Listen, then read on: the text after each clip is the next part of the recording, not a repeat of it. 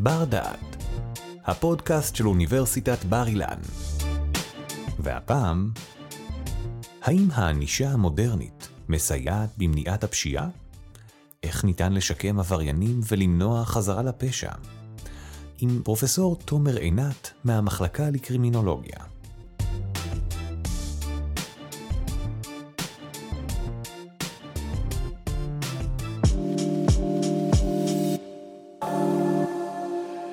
שני קוריוזים היסטוריים.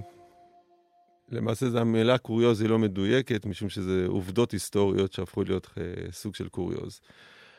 ב-1974 התפרסם דוח מאוד מאוד מפורסם, שבאמת נחשב אבן דרך בקרימינולוגיה, כל סטודנט בקרימינולוגיה מכיר אותו, דוח מרטינסון הידוע, אה, שבעצם נכתב על ידי שלושה פרופסורים בראשות רוברט מרטינסון, ובעצם הדוח הזה מסכם מחקר מאוד מאוד מקיף שעשו שלושתם, על פי בקשה של הממשל הפדרלי בארצות הברית בשנות ה-70 הראשון, המוקדמות, אה, שביקשו מהם לבדוק את האפקטיביות של כל תוכניות הטיפול והשיקום, ולצורך העניין גם הענישה נגיד, אה, שקיימות בארצות הברית. עכשיו צריך להבין, בהכללה הגורפת, אני אומר את זה, צריך להבין שארצות הברית חרתה על דגלה מסוף המאה ה-19, ארה"ב והעולם המערבי בכלל, מסוף המאה ה-19, אה, לדבוק בענישה שהיא בעיקרה, נאמר, ענישה אה, יותר שיקומית. האוריינטציה או המטרה המרכזית הייתה שיקום.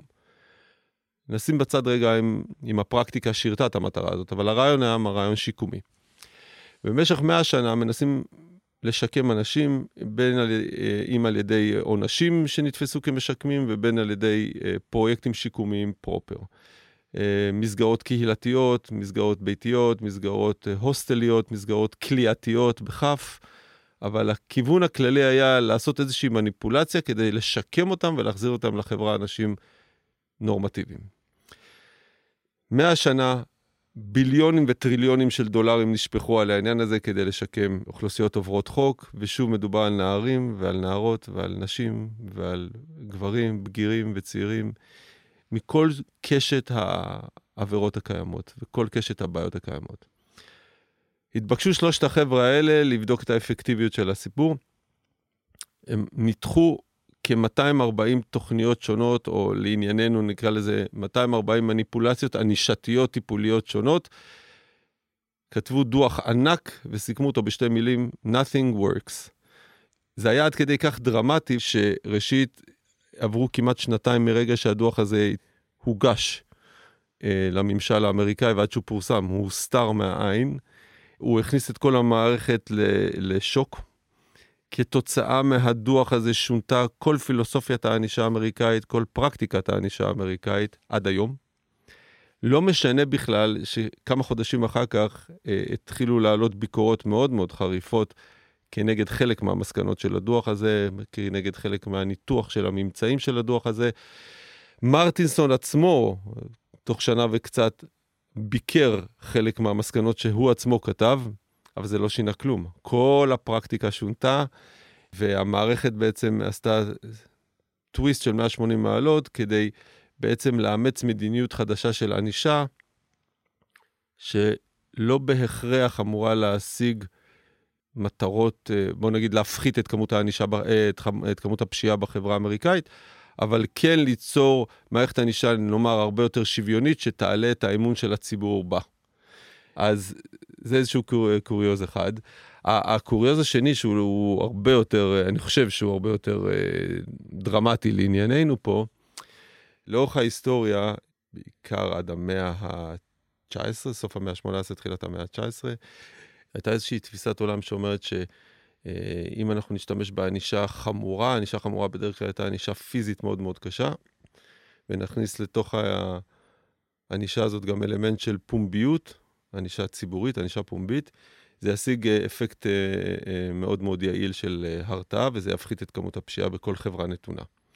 ובאמת העונשים הקלאסיים היו עונשים של אה, הלקאות ולשים אנשים בסד בכיכר המדינה ועונשי גוף מאוד מאוד קשים ועונשי מוות וההוצאות להורג אה, כמעט תמיד היו פומביות. הדבר הזה ליווה אותנו, עד כמה שזה נשמע מוזר, הדבר הזה ליווה אותנו עד המאה ה-19 בהרבה מאוד מדינות, כולל מדינות אירופה, הלכאורה נאורות. והקוריוז ההיסטורי הראשון שאני ככה רוצה לספר עליו, זה שלפעמים אה, הענישה הייתה כל כך אה, מחמירה כנגד אה, עבירות יחסית פעוטות, שהיו מוציאים להורג קייסים אה, על, על קייסות. הוצאה להורג על קייסות, שזה בלתי נסבל היום, המחשבה על העניין הזה. אה, ושוב, זה היה חלק מבאמת מערכת ענישה מאוד מאוד מחמירה כנגד עבירות מאוד מאוד אה, איזוטריות ומינוריות. וההוצאות להורג היו בכיכר המדינה, זה ימים בלי אינטרנט ובלי uh, פודקאסטים, אז זה היה הפאן והבילוי. אז היו uh, מכנסים באמת uh, מאות אנשים לכיכר העיר ומוצאים להורג הוצאות מסיביות של קייסים. ואחת התופעות הידועות בהוצאות להורג האלה היו שקייסים היו מקייסים תוך כדי את הצופים, תוך כדי זה שהם רואים הוצאה להורג של קייסים. רוצה לומר שבאמת הרתעה כנראה לא בדיוק עובדת, ומה ש... לא הולך בכוח, לא הולך בעוד יותר כוח. שני הקוריוזים האלה בעצם, לדידי, משרתים אותי, אה, וכך אני אומר גם לתלמידים שלי שוב ושוב, משרתים אה, אותי בניסיון להבהיר ולהסביר ולשכנע את הציבור ואת הציבור האקדמי ואת הציבור האינטליגנטי וגם את מקבלי ההחלטות, שענישה כשלעצמה, כלומר, רק מניפולציה ענישתית, בלי חינוך, בלי מניעה, בלי הרתעה לפני, בלי התראה, ובלי אחר כך היבטים אמיתיים, באמת, אה, עם חשיבה מעמיקה של אה, שיקום וטיפול, ומה שאנחנו קוראים בשפה יותר מקצועית, ה-re-entry, החזרה של אותו בן אדם אל החברה, ולתת צ'אנס אמיתי, באמת. אה, כולל שינוי בחקיקה, כולל העסקה. ענישה בפני עצמה לא יכולה לעזור. היסטורית היא לא עזרה, והיא גם לא תעזור.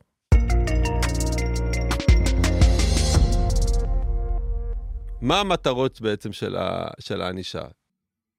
כשאני מנסה לחשוב מה המטרות של ענישה, אז אני אומר כך, ברמת הפשט, יש את המטרות הקלאסיות, שאנחנו מדברים על גמול ועל נקם ועל הרתעה ועל שיקום ועל מניעה, זה המטרות הקלאסיות, כולם מדברים את זה. כל סטודנט יודע להגיד את זה, וכל שופט יודע ושופטת יודעים לכתוב את העניין הזה. זה על פניו, אבל זה משהו מאוד מאוד שטחי, זה ברמת הפשט. אם אני נכנס רגע ל... ל... לרמת הדרש יותר, הייתי אומר כך. בסופו של דבר, אנחנו מנסים למצוא איזושהי דרך או מניפולציה שבסופו של דבר תגרום לאותו אדם וגברת שעברו על החוק לא לחזור לעבור על החוק. זה הרעיון. אבל בעצם מה שאני רוצה להגיד לכולם, ו- ואני מכוון את זה כבר שנים, גם ל- לקהילת מקבלי ההחלטות ולמערכת בתי המשפט, ולאנשי השטח ולסטודנטים ובאמת לכל בר דעת. צריך להבין שאם אני רוצה, אה,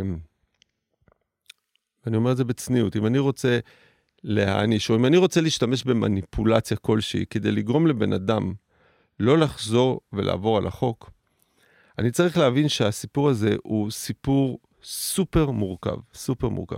לא רק בגלל הלפני העונש ואחרי העונש. העונש עצמו, על מטרותיו, זה סיפור מאוד מאוד מורכב, ואני רוצה לפרט רגע, כי זה מאוד, uh, אני חושב שזה מאוד חשוב. ראשית, יש לנו מטרות שונות של עונש. מטרות הענישה הן שונות. אני הצגתי פה קודם את החמש קלאסיות. Uh, המטרות האלה על פניו עומדות בסתירה זו לזו, לפחות חלק מהן סותרות אחת את השנייה. כלומר, כשאתה רוצה אה, אה, להטיל עונש בשם מטרות כאלה או אחרות, אתה חייב להבין שיכולה להיות סתירה פנימית במטרות האלה. רוצה לומר בעצם שכשאתה מטיל עונש, אתה זה בית המשפט לענייננו, כשאתה מטיל עונש, אתה לא יכול להרשות לעצמך להטיל אותו בשם מטרות שעומדות בקונפליקט לזה. אתה חייב לבנות מדיניות או, או, או להשתמש בעונשים בצורה הרבה יותר קוהרנטית והרבה יותר מושכלת.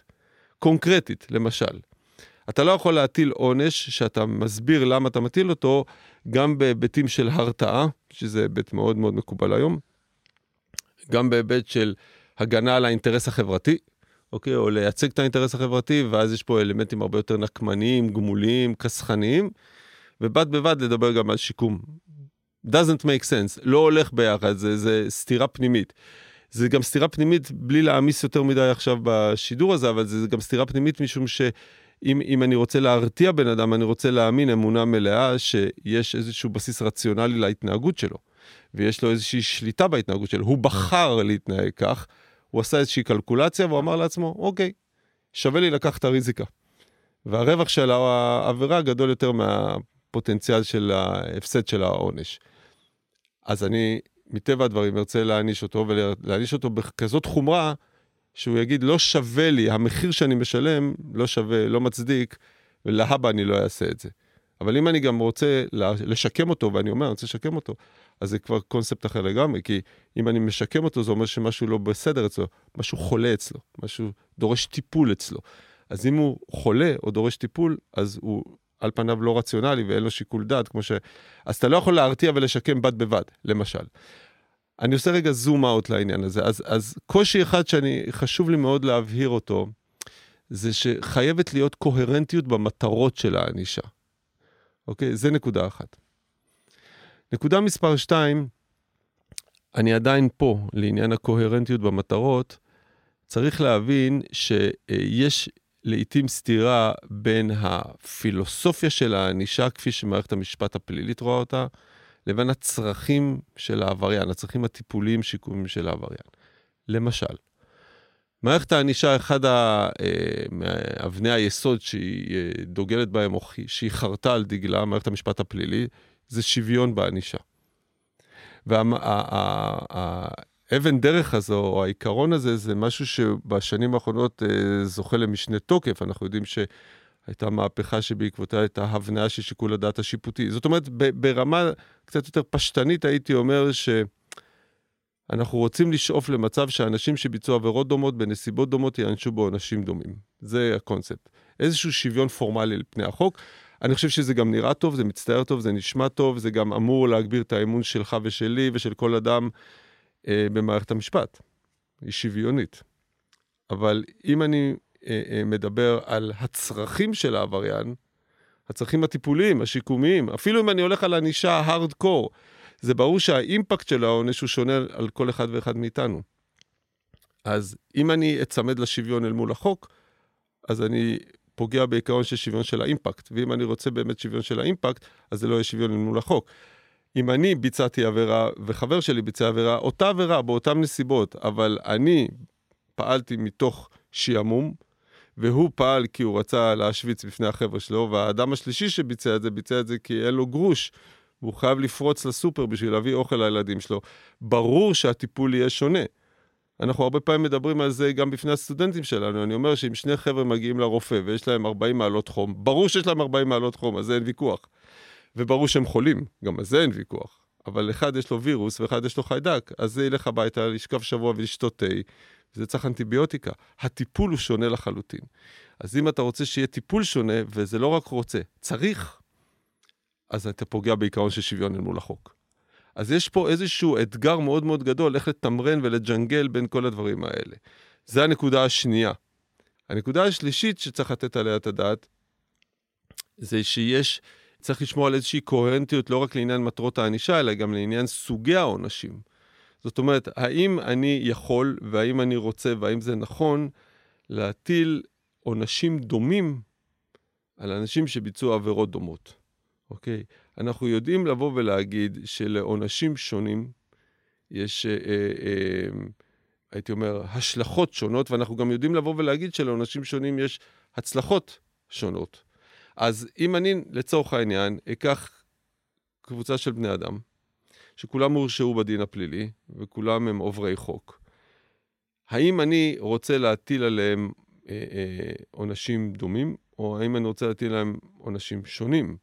אני יודע להגיד בפועל, אני יודע להגיד את זה גם בארץ וגם מהעולם, שהרבה פעמים אנחנו מטילים אה, עונשים שונים. ואז אנחנו מגיעים לממצאים שונים לגבי האפקטיביות. אנחנו גם יודעים לבוא ולהגיד היום, שבדרך כלל, ככל שהעבירות הן עבירות מינוריות יותר, וככל שהרקורד הקרימינלי של אותו בן אדם הוא רקורד קטן יותר, מצומצם יותר, ככה עונשים יהיו אה, אה, פחות חמורים, אוקיי? אדם עם רקע יותר עשיר, עם עבירות יותר חמורות, יקבל עונשים יותר חמורים, שדה פקטו זה כמעט תמיד אומר כלא, אה, ולתקופות כאלה ואחרות, אוקיי? אבל אני לא יכול לבוא ולהגיד עכשיו שעונש הכלא הוא אפקטיבי יותר או פחות מעונש הקנס, או המאסר על תנאי, או עונש המבחן, או השירות לתועלת הציבור. אני לא יודע לבוא ולהגיד את זה, משום שאני תמיד אטיל קנסות על עבריינים שביצעו עבירות פחות חמורות עם רקורד פחות חמור. אבל עקרונית הייתי רוצה, נגיד, להגיע למצב שאני אומר, בוא ניקח דגימה רנדומלית לגמרי של אנשים, ותן למחשב לפלוט את העונשים באופן אקראי לחלוטין. אז אני לוקח אנשים שביצעו עבירות דומות, אוקיי? כולם אנסו, כולם סחרו בסמים, אוקיי? אבל אני נותן למחשב לבחון את העניין הזה, ואז אני יכול לראות לאורך זמן כמה אנשים חזרו לפשוע וכמה לא. הדבר הזה הוא, הוא יפה בלה-לה לנד, הדבר הזה הוא יפה בדיון האקדמי, זה דמגוגיה, זה דבר שאי אפשר לפ... אה, אה, אה, ליישם אותו בפועל. אני לא יכול להטיל עונש של קנס על בן אדם שאנס. הציבור לא יסבול את זה, ואז יכולות להיות לזה השלכות דרמטיות ודה-לגיטימציה של מערכת המשפט וכולי. ולכן בעצם, מה שקורה בדרך כלל זה שהשופטים יטילו עונשים דומים על עבריינים שביצעו עבירות דומות, מבלי באמת לדעת את האפקטיביות של העניין הזה. ופה צריך, צריך להיכנס ל... אני הייתי רוצה להיכנס אה, לעוד נקודה, אפשר להאשים אותי שאני מדבר בתור קרימינולוג ואני באמת אינטרסנט, אבל אני באמת חושב שאלה הם פני הדברים.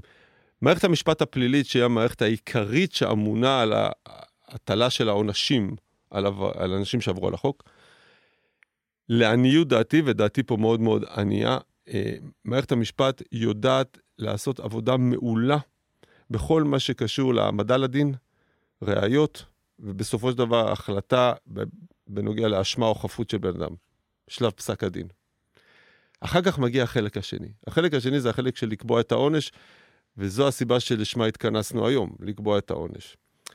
ופה נשאלת השאלה, כמה השופט או השופטת הממוצעים, בעלי הניסיון וההשכלה המשפטית, כמה הם באמת יודעים לעניין עונש.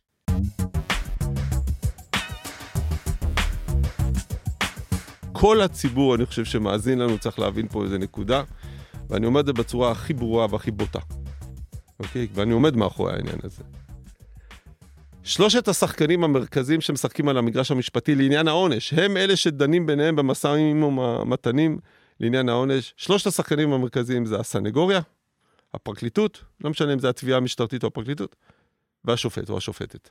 אלה השחקנים המרכזיים, אוקיי. הם מנהלים ביניהם לעניין העונש, הם מנהלים ביניהם שיח שהוא שיח משפטי, הטרמינולוגיה היא משפטית לגמרי, אוקיי. אז בואו נתחיל רגע עם כמה עובדות, לעניות דעתי מאוד מצערות, אבל מתבקשות.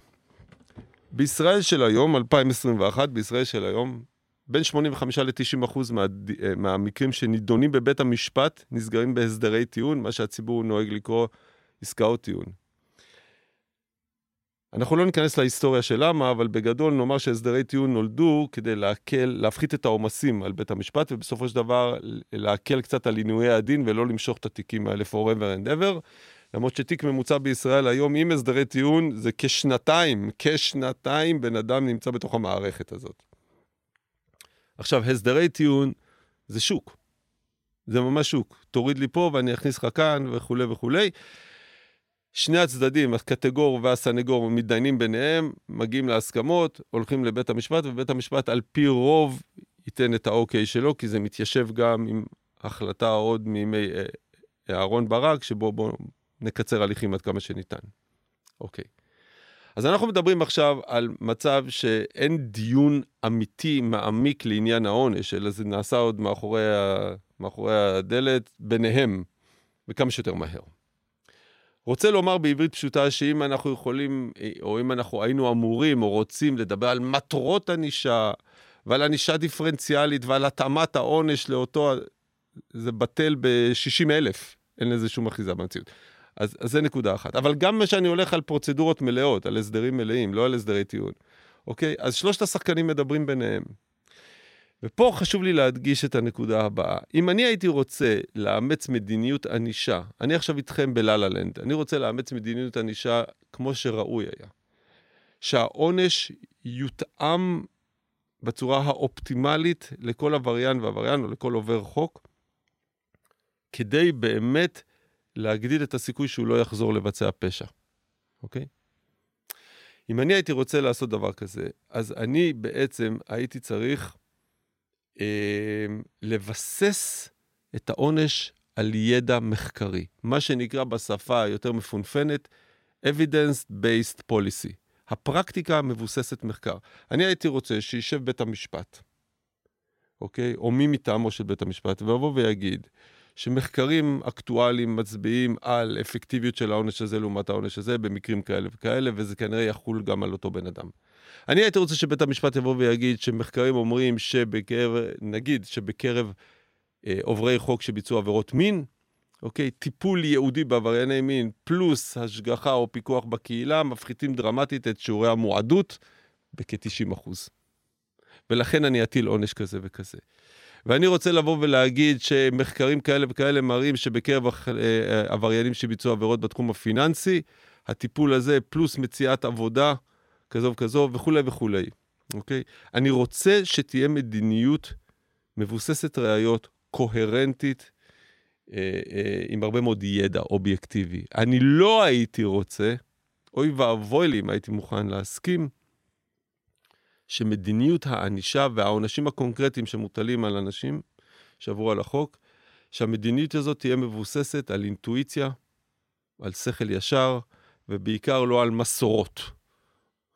ומה שאני יודע להגיד, ואני יודע להגיד את זה כי עשו הרבה מאוד מחקרים, גם בארץ וגם בעולם, עשו ניתוח טקסטואלי של גזרי דין, טיעונים לעונש שיקולים, גם של בית המשפט, גם של התביעה, גם של הסנגוריה.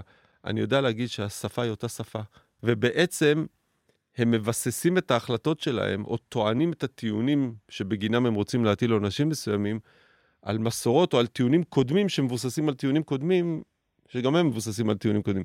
אין ידע. עכשיו, חשוב לי רגע להדגיש את הנקודה הזאת, בתור קרימינולוג, זה ממש חשוב לי. תארו לכם סיטואציה, היפותטית לגמרי, שאתם מגיעים הביתה, נכנסים, מדליקים אור, והאור לא נדלק בבית. לא נדלק האור. או שנדלק האור ואתם רוצים להתקלח ואין מים חמים. אז פה אתה תקרא לחשמלאי, ופה אתה תקרא לאינסטלטור, או למש... אין מה לעשות, זה המומחים בעניין הזה.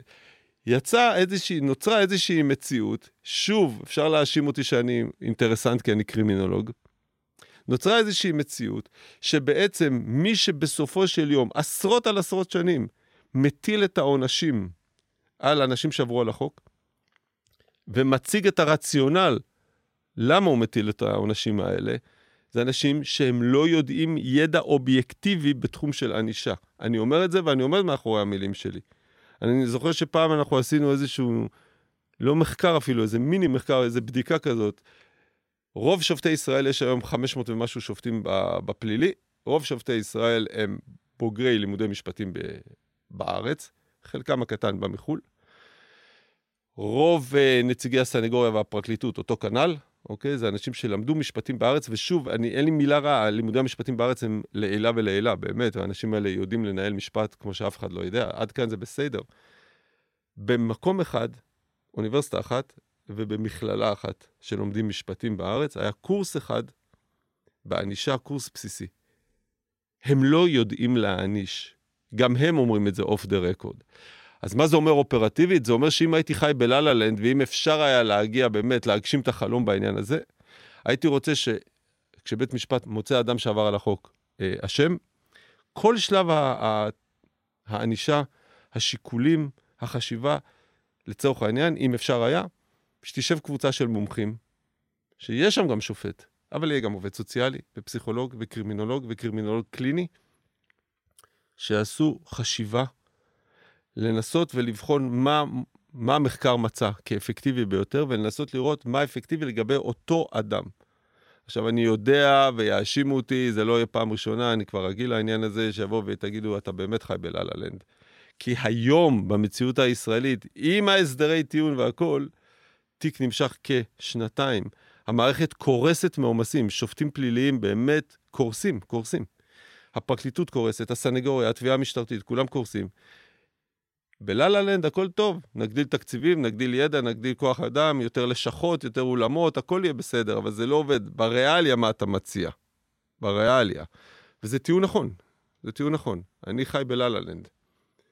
אבל הצד השני של אותו מטבע זה איך יעלה על הדעת, באמת איך יעלה על הדעת, ואני לא, לא עושה פה דרמטיזציה, שגורלות באמת של אנשים שעברו על החוק, גורלות אמיתיים, כולל לשלוח אותו לכלא, לנתק אותו מהחברה, לנתק אותו מהמשפחה, לנתק אותו מהמקצוע, לעשות סטיג... סטיגמטיזציה נוראית, זה לפעמים רישומים פליליים שמלווים אותך שנים ומונעים ממך...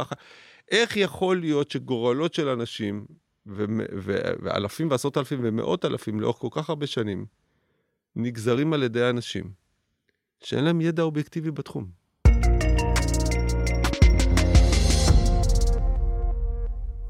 הגורמים שמובילים אנשים לעבור על החוק בחברה המערבית הקפיטליסטית, אה, בחלקם הגדול קשורים באמת בחוסר שוויון חברתי-כלכלי. אה, אנחנו יודעים שרוב הפשיעה ש, שקיימת בחברה מערבית קפיטליסטית, וגם בחברה הישראלית, רוב הפשיעה היא פשיעה בתחום של רכוש וסמים, זה מסורתית. סדרי גודל של 60-70 אחוז מהעבריינות היא בתחום הזה. אנחנו יודעים לבוא ולהגיד שרוב האנשים שעוברים, שעוברים על החוק בתחומים האלה מגיעים מחתכים סוציו-אקונומיים מאוד מאוד נמוכים. רוצה לומר בעברית פשוטה ובלי לבלבל את המוח, רוב העבירות הן בתחום הרכוש, סמים, ורוב העבריינים הם עניים. ולכן הפתרון המתבקש, ההיגיון לפחות אומר, הוא ליצור שוויון חברתי הרבה יותר גדול, או שוויון כלכלי הרבה יותר גדול, או לעשות פעילויות מניעתיות, חינוכיות, שיקומיות, טיפוליות ברמה של שכונה, חברה, קהילה, כדי באמת לתת שם צ'אנס אה, לאותם אנשים. קל וחומר, אחרי שמרצים את העונש, באמת לקלוט אותם לתוך העולם התעסוקתי ולתת להם עבודה מכובדת, הוגנת, סבירה, ולא עבודות ברמה הכי הכי נמוכה וכולי. אנחנו יודעים להגיד את זה, אלא מה? שזה לא המגרש שבית המשפט רוקד עליו. תהיה השופטת ויהיה השופט הכי הוגנים, הכי מוסריים, הכי open minded שיש, הם לא יכולים להטיל עונש שיעשה שיקום שכונות. הם לא יכולים לעשות את זה. זאת אומרת, אין קורלציה, או יש פה איזשהו פער מאוד גדול בין חלק מהגורמים לעבריינות לבין הפתרון שבית המשפט מציע, שהוא פתרון ענישתי. ולכן אני אומר, צריך להבין, אבל להבין הבנה עמוקה, ברמה באמת הפילוסופית, לא רק הפרקטית. צריך להבין שעונש כעונש לבד לא יכול להשיג כלום, הרבה פעמים הוא גם ישיג תוצאות הפוכות. זה צריך להיות משהו משהו הרבה יותר רחב. מאסר זה הקטסטרופה הכי גדולה שאני יכול לחשוב עליה. אה, אני מודה ומתוודה, ושוב, אני אומר את זה באמת, באמת, באמת בצניעות מתבקשת. יש אה, מעט מאוד אנשים בארץ, ואני אחד מהם, שזכינו לעשות מחקרים על עונש המאסר, אוקיי? אה, אני לא נכנס עכשיו ל... לתנאי הכליאה והספציפיים של מדינת ישראל ולשירות בתי הסוהר, אני לא נכנס לזה, אני מתייחס לזה בראייה הרבה יותר רחבה, גלובלית, על עונש המאסר בכלל בעולם. עונש המאסר זה העונש היקר ביותר שיש. העלות בישראל, הממוצעת, הממוצעת לאסיר לחודש זה עשרת אלפים שקל, אז זה 120 אלף שקל. תעשו קלקולציה, יש היום בישראל כעשרת אלפים אסירים פליליים ועוד כחמשת אלפים אסירים ביטחוניים, אז תכפילו את זה בעשרת אלפים אה, אה, שקל, אה, ו- ותראו את העלות המטורפת כדי להגיע למשחק סכום אפס. זאת אומרת, שיעורי הרצידיביזם, שיעורי החזרה לפשע של אנשים שישבו במאסר והשתחררו אחרי של... בתקופה של שלוש שנים מעקב, שיעורי הרצידיביזם בארץ, שירות בתי הסוהר מדבר על בערך 42-45 אחוזים. אמ, אנחנו מכירים נתונים קצת יותר חמורים, שמדברים בערך על 60-65 אחוזים. בעולם מדברים על כ-60-65 אחוזים של רצידיביזם. אני אומר את זה עוד פעם, שכולם יבינו את זה בפשטות. כשני שליש מהאסירים שמשתחררים מהכלא, חוזרים לכלא בפרק זמן של שלוש שנים. מעל 80 אחוז מהם חוזר לפשוע. ונתפס ומורשע בדין, אבל לא כולם צריכים להיכנס עוד פעם לכלא. זאת אומרת, מדובר על עונש שברמה הפרקטית שלו, אם הוא אמור להרתיע, אם הוא אמור להפחית רצידיביזם, אם הוא אמור למגר פשיעה ברמה כזו ואחרת, הוא נכשל ביג טיים. וזה עוד מבלי להיכנס לכל הקטסטרופות במעגל הראשון ובמעגל השני והשלישי שנגרמות כתוצאה מהעונש הזה. למשל, אתה מכניס בן אדם לג'ונגל, אז הוא הופך להיות חיה. אז מה זה אומר לגבי ההתנהגות שלו? מה זה אומר לגבי עלייה בשיעור השימוש בסמים בתוך הכלא ואחר כך? מה זה אומר לגבי חשיפה לפשע ואחר כך להיות קרימינל הרבה יותר מומחה, פרופסיונל בעניין הזה? מה זה אומר לגבי אלימות? ומה זה אומר לגבי קורבנות שאתה עצמך נפצע? וכמה כסף זה עולה בשביל לטפל בך? ומה זה גורם למשפחה שלך? ומה עם הסטיגמטיזציה שיש עליך, הפורמלית והבלתי פורמלית, ומה הסיכויים האמיתיים שלך שאתה משתחרר מהכלא באמת להשתלב. וצריך להבין פה משהו, אני לא אומר את הדברים כדי להגן על איזשהו אינטרס של אסיר כזה או אסירה כזו, לא. אני אומר שהחשיבה החברתית צריכה להיות אחרת, ואני אומר את זה, והחברים שלי אומרים את זה שוב ושוב, וזה קצת חסר סיכוי. צריך לעשות איזשהו, לעניות דעתי, איזשהו סוג של קמפיין תקשורתי אחר, איזשהו שיח אחר לגמרי ציבורי, לגרום לה, לאדם, לאזרח שומר החוק, להבין. אבל להבין באמת, בכל מובן המילה, להבין ולהפנים ולקבל את זה. לא רק שעונש המאסר הוא לא אפקטיבי, ומה שלא הולך בכוח לא ילך בעוד יותר כוח, זה רק ישחית עוד יותר. להוציא את המחשבה הזאת, לבטל את המאסר כמעט אם אפשר עד בכלל, אוקיי? זאת אומרת, זה לא יצליח, חד משמעית. תן כל עונש אחר בקהילה, יותר טוב לך. יותר טוב לך.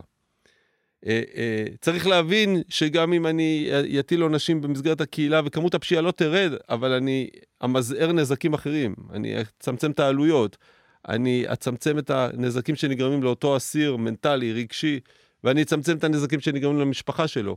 לא משנה, כמות הפשיעה לא תפחת, היא גם לא תעלה.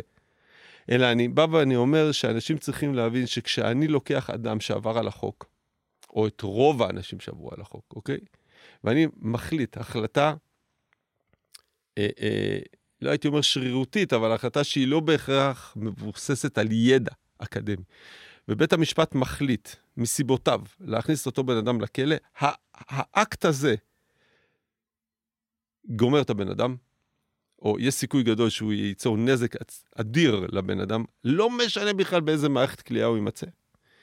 הדבר הזה יעלה למשלם המיסים הון, ולא ישיג שום דבר. ולא ישיג שום דבר. עכשיו, קשה מאוד, מאוד לי ולחברים שלי, קשה מאוד לגרום לציבור האינטליגנטי, המתעניין, האכפתני, שומר החוק, קשה לנו מאוד לשכנע את הציבור.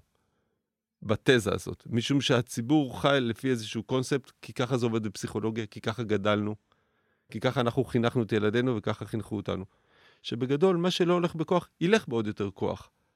עונש הוא כן אפקטיבי. ואם הילד מתנהג בצורה לא ראויה, אנחנו נחמיר בענישה, זה יצליח. ואין שום סיבה להאמין שזה לא זה. והקונספט הזה, ש, שהציבור מאמין בו שוב ושוב, שתכניס אותם לכלא. ותכסח אותם, ובכלל, מה אתה נותן להם טלוויזיות, ומה אתה נותן לזה? תכסח עוד יותר, אתה תראה שבסוף התנאים יהיו כל כך קשים, שרק מטומטם ירצה לחזור לכלא. אבל הציבור לא מבין שזה לגמרי הפוך. שאם אני שם בן אדם בתוך הכלובים האלה, בתנאים הקטסטרופליים האלה, אוקיי? הוא הופך להיות חיה. ואם אחר כך אני משחרר אותו, ואת הרוב אני משחרר, מעל 95% משתחררים.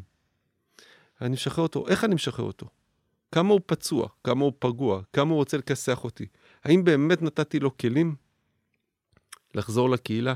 האם החקיקה מאפשרת לו אחר כך באמת להשתלב במקצוע נורמלי? זה נורא נורא קל להיות שיפוטי, כולנו. להיות שיפוטי ולהגיד, תקשיב, הוא לא היה צריך לחשוב, לעשות את זה מראש, הוא היה צריך לחשוב על זה מראש, ועכשיו שיחטוף, ומגיע לו, ואם הוא יחטוף הוא ילמד, וזה מה שראוי, ואחר כך זה לא הבעיה שלי, ושיסתדר, ושימס... אבל זה אמירות שאין מאחוריהן כלום, הוא לא יסתדר, ואף אחד לא יעזור לו, ואף אחד לא ישקם אותו, ואף אחד לא ימצא לו עבודה, ואף אחד ואף אחת, סליחה על הסטיגמה, לא ירצו כל כך להתחתן עם אדם שישב בכלא, כי זה לא שורה יפה ב-CV. אוקיי? ובתוך הכלא, כדי לשרוד את הכלא, הוא יהפוך להיות פצוע וחיה ותוקף ונתקף, אוקיי? והוא יהיה עוד יותר מומחה בתחום של פשע, וזה בסוף יסתכם בקטסטרופה.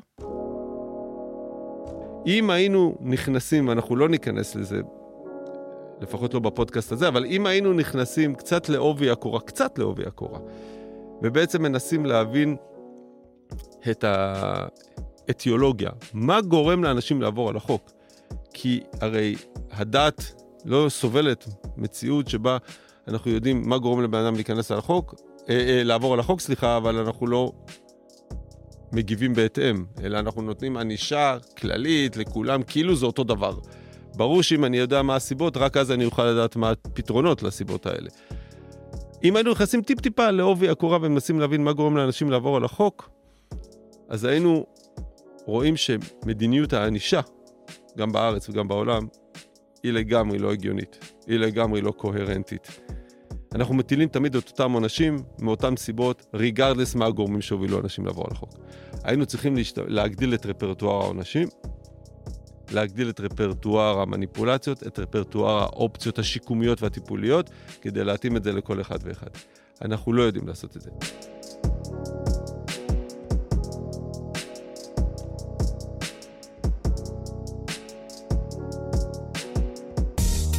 תודה שהאזנתם לבר דעת, אפליקציית הפודקאסטים של בר אילן.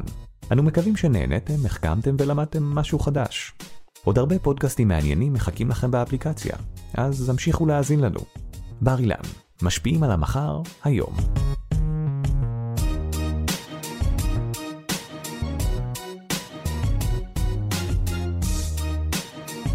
ערך והפיק אורי טולדנו. תודה על ההאזנה.